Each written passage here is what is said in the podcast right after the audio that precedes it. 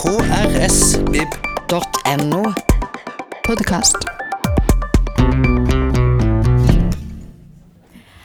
Hei og hjertelig velkommen til fredagslunsj, Bjørn Bjørnebodan, dag to. Godt å se der. Cecilie Enger hadde sitt store gjennombrudd med morsgaver. Nå er hun altså her med romanen 'Det hvite kartet'. Hvordan var det mulig for to kvinner å bryte seg inn i den mannsdominerte bastionen som altså norsk sjøfart var ved forrige århundreskifte? Dette går jo rett inn i en bjørnebosk perspektiv med å stå alene i en kamp. Det gjorde jo også Bjørneboe. Så dette passer veldig godt på Bjørneboe-dagen. Så dere tar godt imot Cecilie Enger og Birger Emanuelsen, som skal på scenen i morgen klokka tre med sin egen bok. Ja, ta godt imot dem.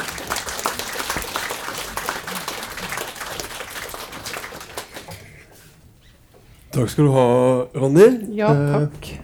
og velkommen, Cecilie Engø. Takk. Eh, du har vært her før, skjønte jeg? Ja, nå var jeg litt sløv i stad, for jeg tenkte nei, men her har jeg ikke vært, men jeg har vært der. Ja. Oppe.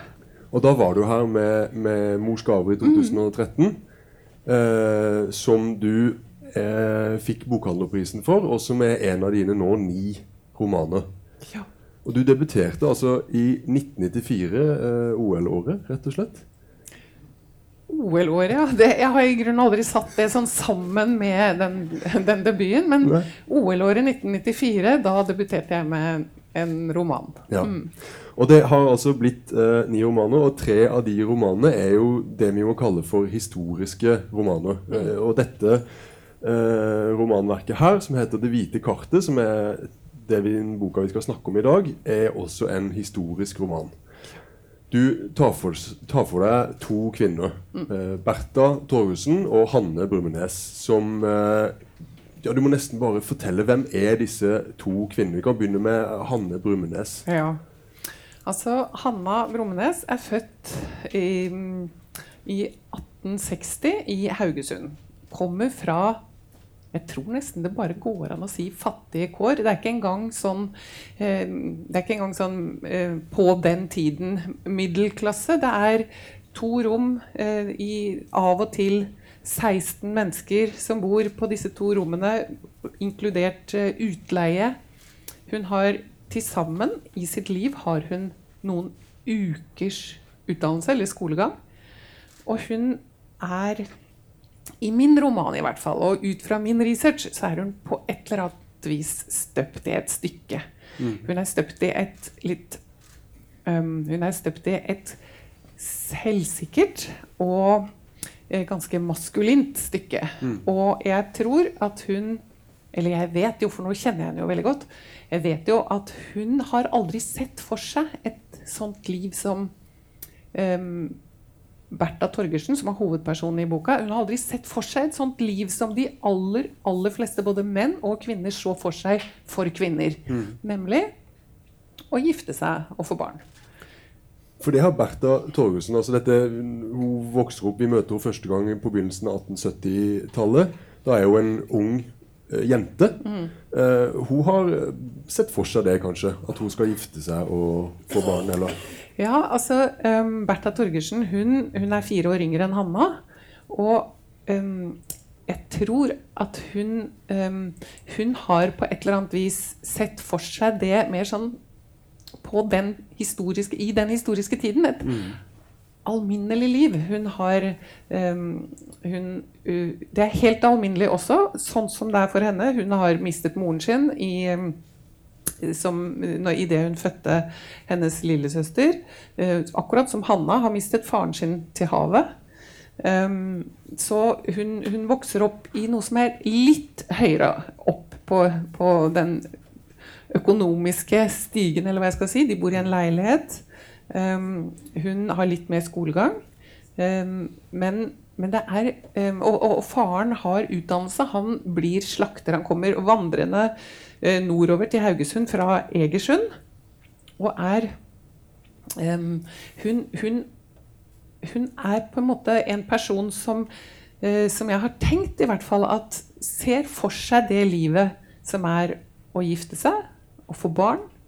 Og jobbe eh, ved siden av, som veldig, veldig mange gjør hele tiden, ved siden av eh, familieliv. Eh, skaffe inntekter eller mat. Eh, men så, så, vil på en måte historien og um, hennes um, hennes dragning mot noe som er eiendommelig og annerledes, det, det gjør at hele hennes liv på et eller annet vis også blir et helt annet enn det hun kanskje har sett for seg, men det gjør det jo for de fleste av oss. Mm. Hvem, hvem vet helt hvordan vi skal leve 10, 20 og 30 år etter at man er liksom ferdig med barndommen? Men, men, men eh, det er alt det som er forventet, eh, det, eh, det søker hun ikke mot etter at hun treffer Hanna Brummenes. Og Hanna og Bertha de ender opp som kompanjonger. De starter eh, en klesforretning sammen, som de eier og, og driver. Eh, de ender opp som, som skipsredere. Det skal vi snakke om, og følge denne eh, linja som du har skrevet fram i det som er en roman, men som helt åpenbart baserer seg på historiske kilder. Men nå nevnte du at far til Bertha kommer gående opp fra Egersund. Og så vidt jeg forsto, så din, han du nå eh, bor sammen med, han er fra Egersund. Og det er jo den eneste sånn biografiske koblinga her. For disse to Du er jo ikke fra Haugesund. Hvordan kommer du over disse to kvinnene, som få av oss har hørt om, da, før du skriver en roman om dem? Ja, han, jeg må bare si at han kommer ikke fra Egersund. Han kommer fra, eh, eh, han kommer fra Asker, der hvor jeg kommer fra. Men moren hans kommer fra og bor i Egersund. Og det rare er at han heter, det, han heter, rett og slett Torger, og hennes barndomsgård er Tengs. Eh, som er navn i denne romanen. Men det ante jo ikke jeg. Så jeg bare sånn, Tor, Toget på Tengs! Uh, ja, så, bare, så, etter at jeg hadde begynt å skrive på denne romanen, så fant vi ut at dette må jo være noen fjerne slektninger. Men, men, likevel. Um, ja. Så det var ikke det som brakte deg til disse to kvinnene? Absolutt ikke. Nei. Det som brakte meg til mine to damer, som jeg er blitt veldig glad i, um, det, det er Jeg jobbet i mange år I 26 år jobbet jeg som journalist i Dagens Næringsliv. Og tok mot til meg for to år siden og sa opp. Men da så jeg et sånt fotoblad. Så, så lå det sånt, vet, med sånne tynne, tynne sider. Så var det et bilde av de to som er et Det er veldig få fotografier av dem, men det er et litt sånn ikonisk bilde av dem hvor de står i sine bowlerhatter, herrefrakker, skjørt riktignok, men herresko. Og så står de utenfor sin egen bolig. Og det er en flott, staselig eh, bolig i Haugesund. Og det er tatt i mellomkrigstida. Aner ikke av hvem. Men jeg så det bildet, så tenkte jeg bare For et absurd og fascinerende bilde. fordi at det er ikke et sånt fotografi hvor man ser at disse to leker med kjønnsroller. Som mange, eh, mange før dem har gjort helt fra begynnelsen av 1900-tallet. Så kunne man fantes det kvinnelige fotografer som eh, kledde seg i herreklær, eh, som, som stilte seg selv i liksom mannsdominerte situasjoner eller på arbeidsplasser. Mens disse her de er så alvorlige. De er liksom, så det er akkurat som om det er bare tatt ett bilde av dem, og så tenkte jeg at jeg må, jeg må klippe ut det bildet. Mm. Hang det på den der uh, oppslagstavla på jobben. Og, så, og, der hang det et par år. Og så tenkte jeg bare jeg må uh, da, jeg, jeg, hadde visst, visst, at de var to norske damer. Jeg må skrive om dem. Og så skrev jeg en ganske stor artikkel i Dagens Næringsliv om dem. Og det var sånn at Å, så vil jeg mer. For jeg skjønte jo at det, på det tidspunktet, og, og fortsatt i dag, selv om det er kommet en biografi likt som min roman, faktisk, helt tilfeldig, så, så har det vært sånn at det er så lite etter dem. Det er ikke brev. De har ikke skrevet dagbøker. De har ikke holdt på å fotografere og sette inn i album. Men, men det finnes jo mange sånne faste punkter. Mm. Jeg vet hvor de bodde, eh, vet hva de gjorde, eh, vet når de traff hverandre. Så jeg kjente liksom at etter å ha skrevet den artikkelen, så ble jeg sånn det, det, er jo et så utrolig og fantastisk Hvorfor har jeg ikke hørt om disse damene? Og for en, for en barsk tilværelse det er å brøyte seg vei inn i noe som ikke fins for dem. Og det er derfor jeg har kalt romanen for 'Det hvite kartet'. Fordi Ja. de, de, de både lever sammen som kvinner i en tid hvor, hvor det ikke har noe ord. Det finnes ikke. Man bruker, Første gang det står ordet 'homofil' i norsk presse, er på 50-tallet. Eh, så på slutten av 1800-tallet så er det så, så, så fins det ikke. Og det fins jo heller ingen kvinnelige skipsredere, som de etter hvert blir. Sånn at jeg har liksom, jeg syns det er så tiltrekkende og fascinerende det at, at de ikke er sånne kvinner som De står ikke på, på torget og, og, og på en måte demonstrerer eller, eh, eller jobber iherdig for at de skal synes. De bare gjør. De bare er.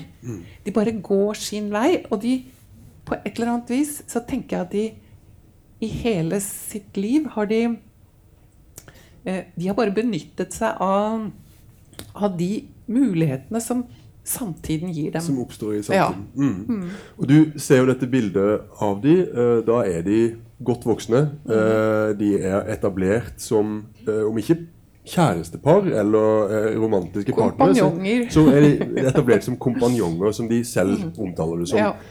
Um, men du velger jo å skildre også en romantisk tiltrekning. Jeg Mm. lurte på, bare for å få et bilde av disse to eh, Kan ikke du lese når Bertha eh, ser Hanna i eh, Det vil jeg gjerne.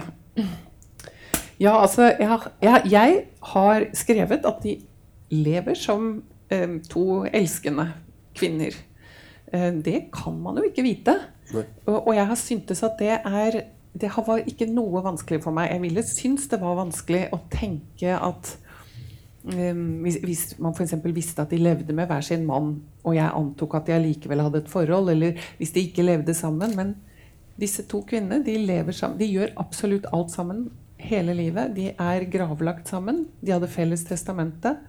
Um, og mot slutten av livet, etter at Hanne er død, så, så skriver Bertha fordi at eh, Hun skriver til myndighetene og ber om um, at, at uh, hun skal kunne um, At hun skal kunne bruke av den felles arven. Um, og da sier hun at vi har levd i et ekteskapslignende forhold. Ja. Så kan det bety tett, nært, delt adresse.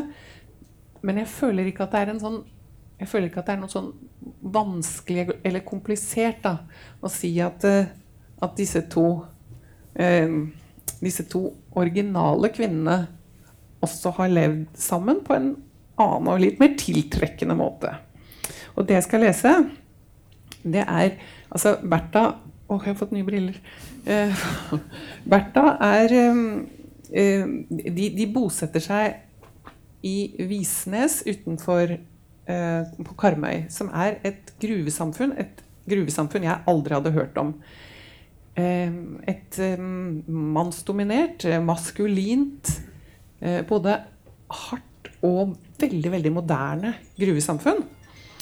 Og hun eh, Der driver de eh, Der, der jobb, jobber de i hver sin forretning og blir kjent. Og så inviterer eh, Hanna Bertha med ut på rotur. For hun, med sine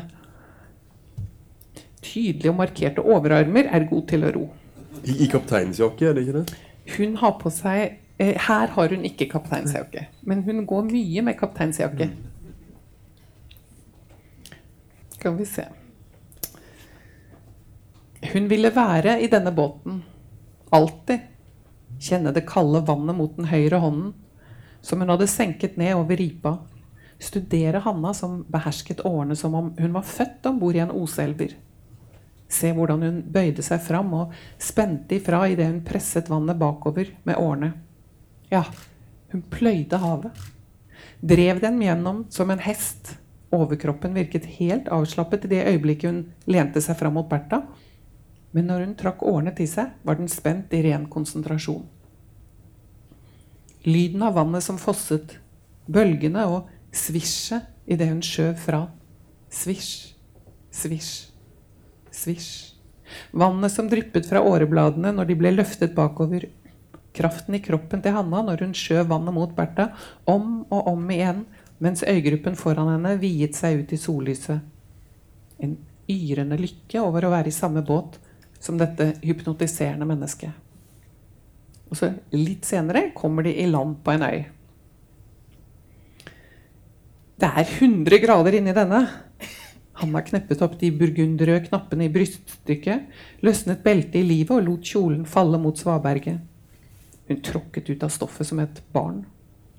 Så kippet hun av seg de kraftige skoene og rullet av strømpene. Hun la klærne til tørk på steinene. Undertrøyen og underbuksene var store i slitt, grålig bomull. Stoffet klistret seg til kroppen hennes. Bertha var ikke i stand til å ta blikket fra henne. Mens de spiste, fortalte Hanna om tegninger og bilder hun hadde sett av en kolossal statue som for tiden ble reist i Amerika. En frihetsgudinne, sa hun. Statue?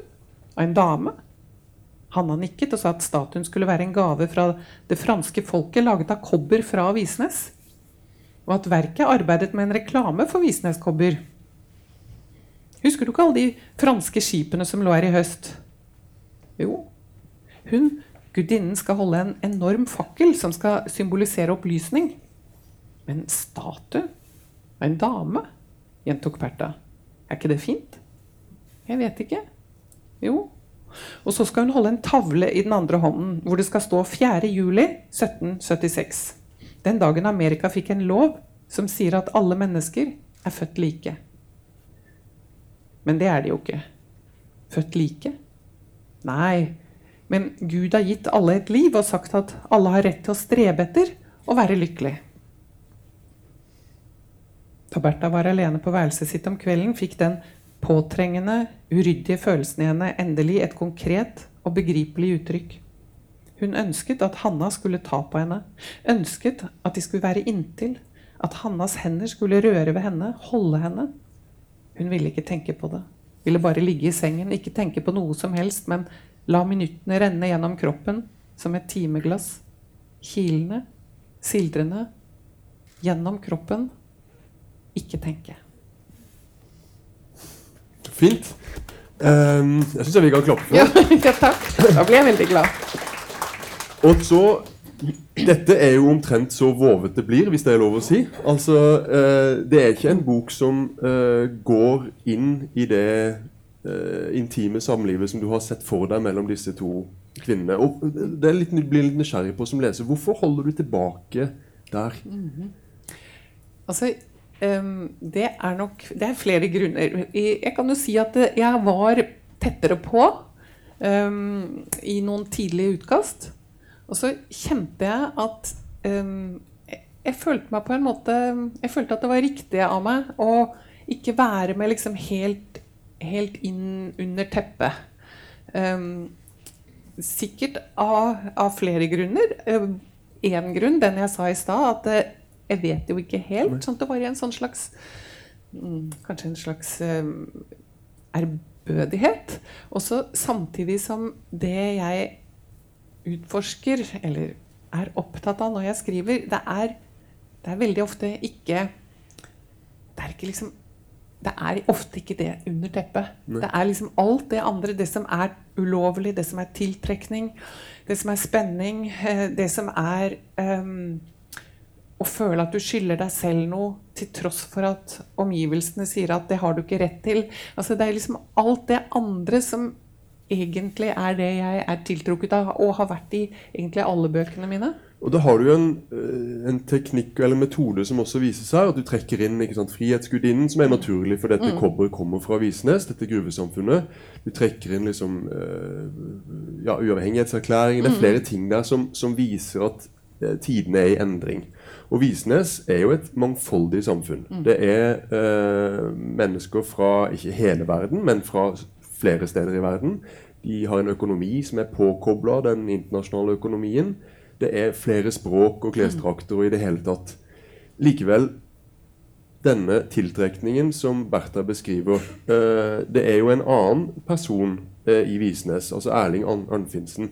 Um, kan du ikke fortelle om han? Um, Um, jeg, jeg er altså i kanskje, kanskje to tredjedeler av boka er jeg, oppholder jeg meg sammen med de, de to ganske unge og formative kvinnene eh, i 20-årene, Bertha og Hanna. Um, og, og Visnes Jeg må jo innrømme at før jeg hadde skrevet den artikkelen, så visste jeg ikke at Jeg, jeg kjente ikke til gruvedriften um, på Visnes. Um, altså et, et fransk gruveselskap, man finner kobber. Det kobberet som da etter hvert blir til gave fra det franske folket til amerikanerne eh, i form av frihetsstatuen. Men, men det er eh, raskt Der ligger det i utgangspunktet tre bitte små fiskebuer, har jeg inntrykk av. Finner man kobber, og i, gans, i, løpet av ganske kort tid så er det altså som en eksplosjon av 3000 mennesker bare i den bitte lille viken. Og nye 1500 litt lenger bak. Um, man, man, har gruveslusk, man har um, direktører. Du, du har uh, folk som kommer med skip fra uh, Frankrike, England, USA. Det er liksom det er språk det snakkes. Man er kjemperedde for um, for uh, at gruvearbeiderne skal drikke opp, drikke opp lønna si, mm. sånn at man har, arrangerer, arrangerer tegnekurs, har kor, litt orkester. men det er også det er også for å få et helt sånn mellomsjikt av ingeniører og sånt, så måtte man anlegge For å få disse som ikke fantes i Norge, måtte man anlegge et Eller man måtte kanskje ikke, men man lokket eh, belgere og franskmenn og engelskmenn til dette i deres øyne gudsforlatte stedet. Um, med ridestier, med bowlingbaner, uh, med Lysthus. Ja. Og en, så En av disse tingene er tegnekurset med Erling Arnfeldsen. Der, um, der, har jeg da gjort uh, Bertha og Hanna interessert i å gå på dette tegnekurset med uh, tegnelærer. Som for å kunne si noen ting, for å kunne plassere hvor, uh, hvor hvor seksualiteten finnes i den samtiden. Hva man tenker om homofili, som ikke da som jeg sa i stad, ikke heter det, men som heter sodometeri. Og man er Det er jo eh, Det fins ikke altså Det finnes lover, det er jo strengt forbudt.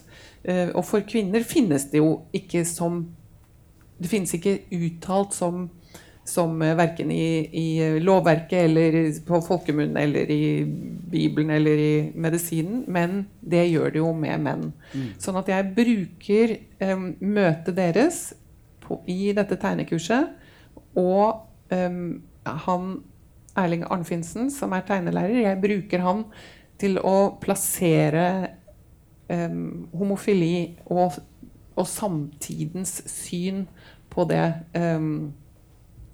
Mm, ja, og også eh, det gir jo også Hanna og Bertha muligheter til å nærme seg.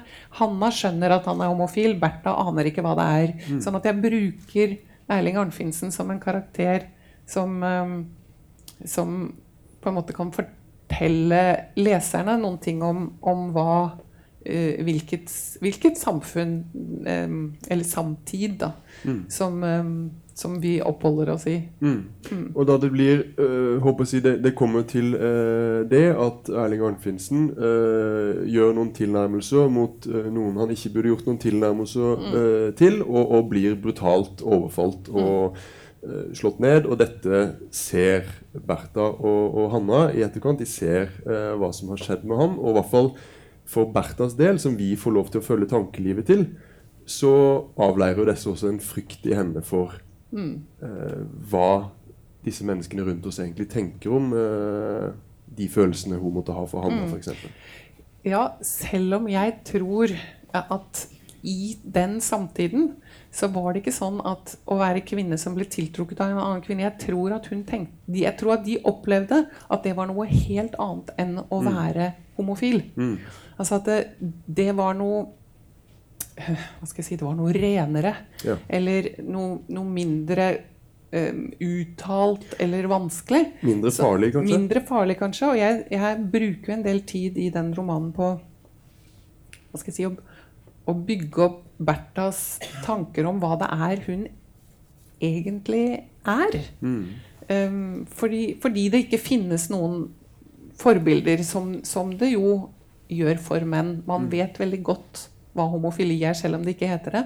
Men man vet på en måte ikke helt hva Altså, Kvinner fikk jo ikke noe seksualitet før med Freud, så det var jo enkelt for, for Det var akkurat som om Jeg leste noen sånne medisinske journaler hvor, hvor man mener at kvinner ikke kunne kjenne lyst før etter at de hadde født et barn, f.eks.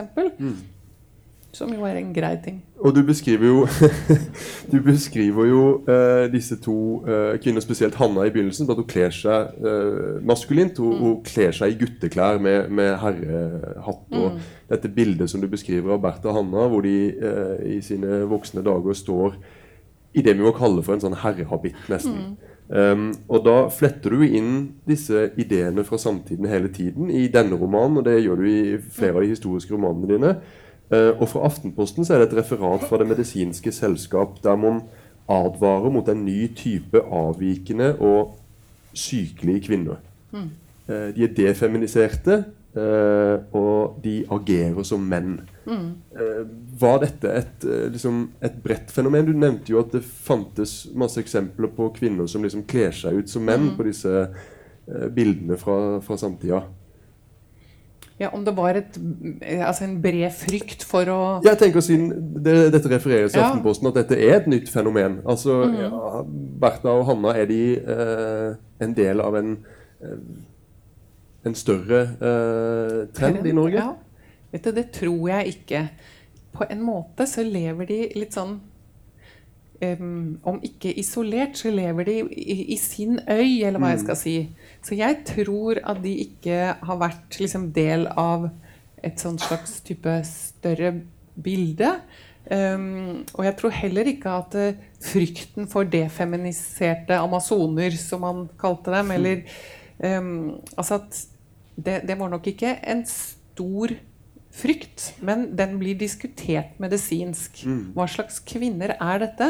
Og så er man redd for, hvis det, er, hvis det er sånn at flere kvinner For dette er jo i en utrolig fascinerende tid, syns jeg. Ja. Alle mine tre historiske romaner er fra samme epoke, som er en slags revolusjon i Norge, med politiske partier, kvinnesak.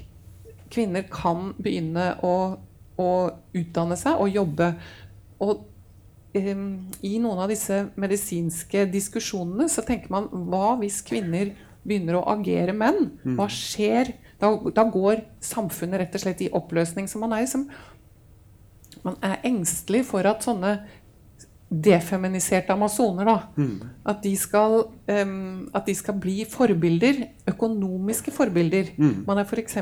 engstelig for hva skjer den dagen kvinner ikke um, ikke forstår at det beste er å gifte seg, men at de klarer å, å, eh, å leve økonomisk uavhengig. Så dette her er første gang i historien at kvinner kan ikke blir såkalte peppemøer og, og bor hjemme hos Hvis de ikke gifter seg, at de bor hjemme og passer gamle foreldre, og så etter hvert passer eh, søsken etter hvert som de eldes. Men at de faktisk kan bosette seg i en egen leilighet. At de kan bo sammen med en annen kvinne. For man tenker jo ikke at det er noe annet. Det er bare økonomisk lurt og sosialt eh, heldig. Mm. Så det er liksom første gang i historien at, at det lar seg gjøre å leve for, for ikke bare eh, noen som har kommet, er født til penger, f.eks., men at man faktisk kan utdanne seg og få jobb som lærerinner og telegrafistinner og eh, ja. Og dette skjer jo eh, Vi er jo nå på Sørlandet, eh, er jo fra Tromøya eh, utenfor Arendal, som også er en skipsfartsby historisk. Og der var det jo også kvinnelige skipsredere på 1800-tallet. Eh, flere av de, ingen som bygde seg opp på denne måten, men, men uh, enkefruer eller arvinger eller den type ting. Så det er helt åpenbart at her er det mye som skjer eh, i Norge i denne perioden som du så fortjenestefullt er opptatt av. da. Eh, men jeg tenker, altså Hanna hun blir beskrevet som et sånt eh, et skip. Altså Hun har en retning, og alle som kommer i kontakt med henne, legger merke til det. Um, Bertha er hovedpersonen i din bok. Um, når han Arne Vestbø, som skriver denne dobbeltbiografien om uh, Hanna Brumnes og Bertha Torgersen, som også kom ut i år, tilfeldig, tilfeldig nok, så konsentrerer han seg mest om Hanna. Men du har konsentrert deg om Bertha. Hva, altså, det må du nesten forklare. Ja, etter hvert som jeg leste det jeg fant, da hadde jo ikke boka til Arne Vestbø kommet ut, men ehm, etter hvert som jeg fant stoff om dem, så tenkte jeg jo at den, mest, den som gjennomgår størst endring i, av disse to kvinnene, det er Bertha Torgersen. Fordi Hanna var litt sånn som jeg sa i begynnelsen, at det var akkurat som hun var litt sånn støpt i et stykke. Eh, I hvert fall i min forestillingsverden så er hun mer sånn hun er sikrere på identiteten sin. Jeg tror kanskje ikke at hun i- min roman så, så sier hun at hun egentlig aldri har tenkt eh, dette familielivet. Det har ikke egentlig vært noe hun har forestilt seg. Nei. Du For det- vet vel det, sier jo til- Ja, ikke sant? Du skjønner det, sier hun til, til eh, Bertha. Og det er akkurat som om Bertha ikke helt forstår at sånn kan man på en måte bare være født. Sånn at jeg har, jeg har konsentrert meg om å gi Bertha Torgersen alle tankene om å føle seg tiltrukket av noe du vet at du ikke kan være tiltrukket av. Og øh, noen ganger så er hun nok litt engstelig for at hun bare er som en sånn båt som liksom dupper etter den store båten. At hun er liksom litt sånn. Men, men øhm, hun er modig, og hun er, og hun er interessert, men på en måte så er hun Hun, hun er litt mer av den, den karakteren som hun trenger tid, hun blir litt overrasket over seg selv. eh, Og i det er det også en styrke. Det er ikke sånn at du må være et fyrtårn. Um, Det er kanskje en vel så stor styrke å se for seg noen ting og så velge noe annet. Eller kjenne at du er tiltrukket av noe som ikke fins, på en måte. En kjenne en seksualitet som ikke du har hørt om. Utforske. Sånn at jeg, jeg jeg tror at for min del så er det både mest interessant for meg, men også for leseren å følge, å følge hun som er mer spørrende til det som skjer. da. For Bertha er på vei inn i et eh, anførselstegn standard liv med ektemann og kanskje også barn. Ja.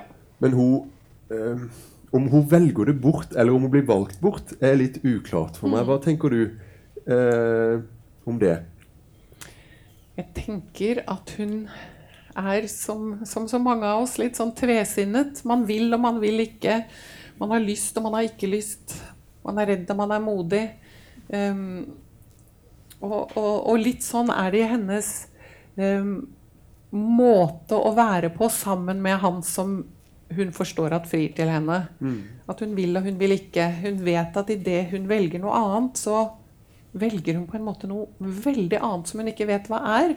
Men jeg, han, denne mannen som, som hun treffer på, på ferge fra Haugesund til Visnes helt i begynnelsen, eller ganske i begynnelsen av romanen, han har jeg brukt som en karakter gjennom hele romanen. Mm. Jeg bruker han som mann som hun kan lure på om hun vil være sammen med, og derfor forstår at hun aktivt velger et annet liv. Eh, Jeg bruker han som en som minner henne om, om at hun eh, At man kan være noe man At man kan si at man er noen ting som man ikke føler at man er, fordi han forteller henne en, sånn, en, en løgnaktig historie om, om barn som er forbyttet, hvor hun lurer litt på om hun kan kanskje være forbyttet. Um, han får en sønn som hun kan kjenne noe som hun lurer på om det er dette som er mors følelser for. Ja. Um, sånn at jeg bruker han, Den karakteren bruker jeg til alle de følelsene som man gjennom et langt liv broderer og strikker og syr og snirkler seg gjennom um, med knute på tråden. Ja. Uh, sånn at jeg, jeg Han som egentlig er litt usympatisk, liker jeg veldig godt. Han gjør at Bertha får mulighet til å kjenne på alle de følelsene som som jeg som forfatter kan identifisere meg med, da, som er full av å føle seg ovenpå og full av å føle seg langt under. Som er full av å kjenne seg eh, frisk og moderne og ny, og som er full av å kjenne seg engstelig og gammeldags. Altså, jeg har liksom tenkt at han er liksom utløser av mange Eller han påfører henne mange ulike måter å kjenne seg i live på. Jeg liker også Jostein veldig godt. Og han er jo ikke noe, eller i mine, min lesning, ikke en usympatisk eh, person. Han, eh, det er jo en episode der hvor Bertha i Bergen blir med hjem til han og mora. Og det er jo helt åpenbart at det livet han har vokst opp i, er ikke noe han er stolt av å vise fram til Bertha. Eh, så han bærer liksom denne menneskelige behovet for stolthet og verdighet, da, som jeg syns også disse to kvinnene får, Du får fram det veldig fint i, i, i disse. Eh, men jeg tenker Hanna virker veldig trygg på den tosomheten som hun og Bertha har som kompanjonger. Altså Store deler av romanen er jo eh, ungdom og tidlig voksenliv. Og så har vi en, eh, en god tredjedel på slutten som handler om de som forretningsdrivere og, og, og skipsredere i Haugesund. Men da holder jo ikke denne tosomheten helt. Du nevnte denne gutten, altså Peder. Eh, kan du ikke fortelle om det? Jo, altså um, Jeg hadde lyst til altså, De er jo veldig mye annet enn to kvinner som elsker hverandre. De er jo først og fremst veldig vellykka forretningskvinner i en tid hvor kvinner eh, jo, de, de kunne drive landhandel f.eks. men, men eh, de, er, eh, de er temmelig unike også i sin samtid. De, de vil ting. De får til ting. Um, så um, sønnen til um, han som frir til henne, han, han får, uh, får en sønn og ber dem om å av og til passe på han etter noen år. Uh, grunnen til at jeg, jeg har laget han Peder, da, Ja. Eh, det er at eh, jeg, jeg ønsker For det første så var det sånn at mange i den samtiden fikk jo også ikke barn. Og det var veldig vanlig, mye mer vanlig enn i dag, å ha fosterbarn. Sånn at på en måte så er Peder et slags fosterbarn for dem. Men det gjør også at um, han, han fyller ut mange, uh, mange følelser og roller i romanen min. Nemlig det å kjenne at, at man blir eh, veldig knyttet til noen, vil dem vel. Eh, men også ettersom mange av skipene deres, når de er blitt to eh, vellykkede redere, så går jo skipene deres også ned. Og jeg vet at de hadde folk om bord som, som de kjente, og som mistet livet. Og det syns jeg var vanskelig å skrive om. At det var, skulle være et menneske der om bord som jeg ikke egentlig vet hvem var. Selv om jeg vet at det var slektninger, f.eks. Så derfor så laget jeg noe som var en person for dem som er veldig tett knyttet til dem, som gjør at man skjønner at, at det, å, eh, det å være på havet, det å eh, ansette folk det, det er ikke bare for Bertha og Hanna. Det er ikke bare forretning og, og, og få penger på assuransen, som det het, eh, når skipene deres gikk ned, og særlig under første verdenskrig, når de ble torpedert. Eh, Men, men det, er også, det er også tap. Ja, jeg ønsket, til å, jeg ønsket å vise at eh, de er klar over at det er mennesker om bord i skipene deres, og ikke bare last. Er det viktig å få fram fordi at de er kvinnelige redere? Altså, er, er, det sånn, tenker du, at eh, det er en side ved de som er Nei, nei det hadde jeg skrevet om to menn, så hadde Ja. jeg antagelig også kjent at det var viktig for meg å vise Hvis det er sånn at jeg brydde meg om karakterene, da, som jeg jo gjør her, um, viser i hvert fall for Bertha, som er hovedperson, um, at er viktig for meg å vise at det er tap på mange områder. Um, men men um, ja, Uh, hvis ikke så ville jeg kanskje kjent at det ble litt sånn vel forretningsmessig. For de, de tjener jo rett og slett ganske gode penger på at skipene deres går ned, som jo eh, Bertha syns at er komplisert. Ja. Og dette mennesket, denne Peder, denne gutten, som eh, vi i hvert fall får vite at Bertha knytter seg veldig til, eh, han blir borte. Han antageligvis omkommet på sjøen. Det finnes en minneseremoni der i etterkant, men der møter de ikke opp. Nei. Der tenker de at det er han faren som aldri brydde seg om sønnen, som tross alt trekker det lengste strået. Um, og at uh, for Berthas del så er det vel også en følelse av å være medskyldig. Mm. Mm. Og du lar altså øh, en roman om disse to kvinnene, og kanskje en roman hvor vi følger Berthas tankeliv og hennes språk, som du har skrevet fram på en øh, synes jeg, utrolig interessant måte. Hennes måte å formulere sine egne følelser, sin egen tiltrekning, sin egen tvil til hva hun vil i livet. Du lar hennes tankeliv slutte med et, et slags sånn sorgfullt minne om denne gutten. Det, var, det, det overraska meg. Eh, fortell litt om det. Hvor, Eh, Jeg tror jeg tenkte Eller jeg vet vel kanskje at jeg tenkte, men så er det ikke alltid sånn man tenker sånn akkurat sånn og akkurat sånn. Men jeg hadde lyst til at hun skulle føle at hun hadde vært veldig nær noen som hun mistet. Og så slutter den jo ikke helt der. Den slutter med at, eh, at de er ordentlig gamle, og at det er Hanna hun mister, og at hun har en mulighet til å og så, ja, at hun har en mulighet til å forsøke å liksom kort sammenfatte livet deres. Hva ble det til? Hva, hva fikk vi til? Um, men men um, hva tenker du om det? Hva tenker du at de fikk til? Å, de fikk til.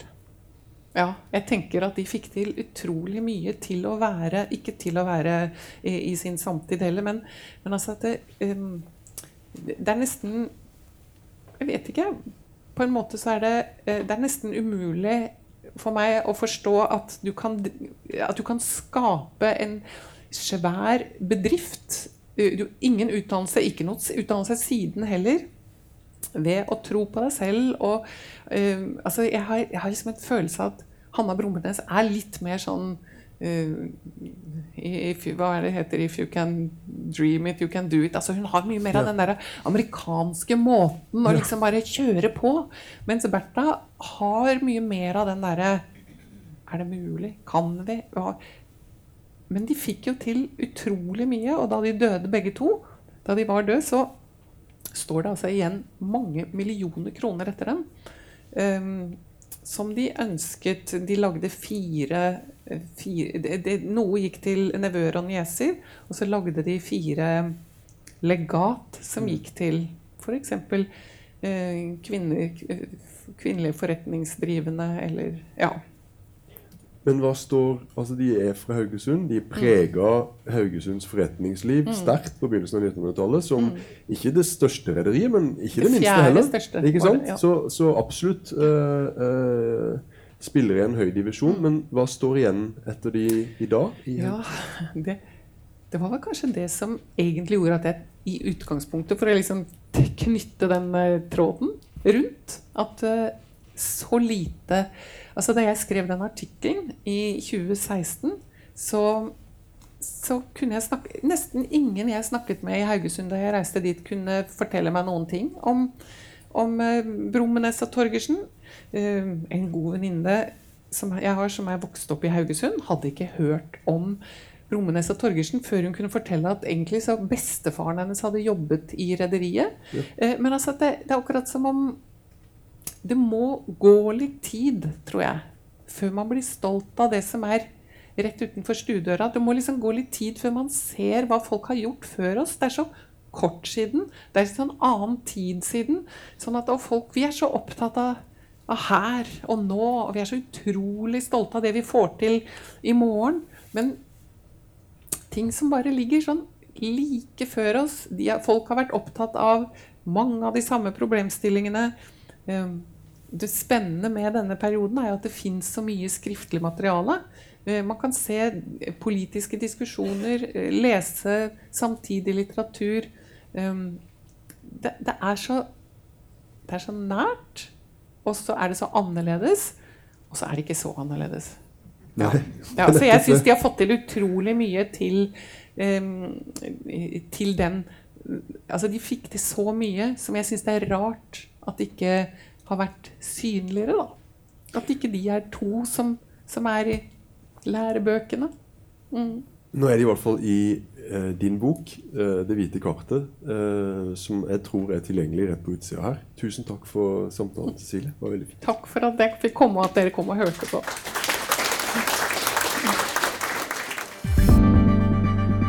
Flere podkaster fra oss finner du på Google Podkast, Apple Podkast eller iTunes, eller ved å stikke innom vår hjemmeside på krsbib.no.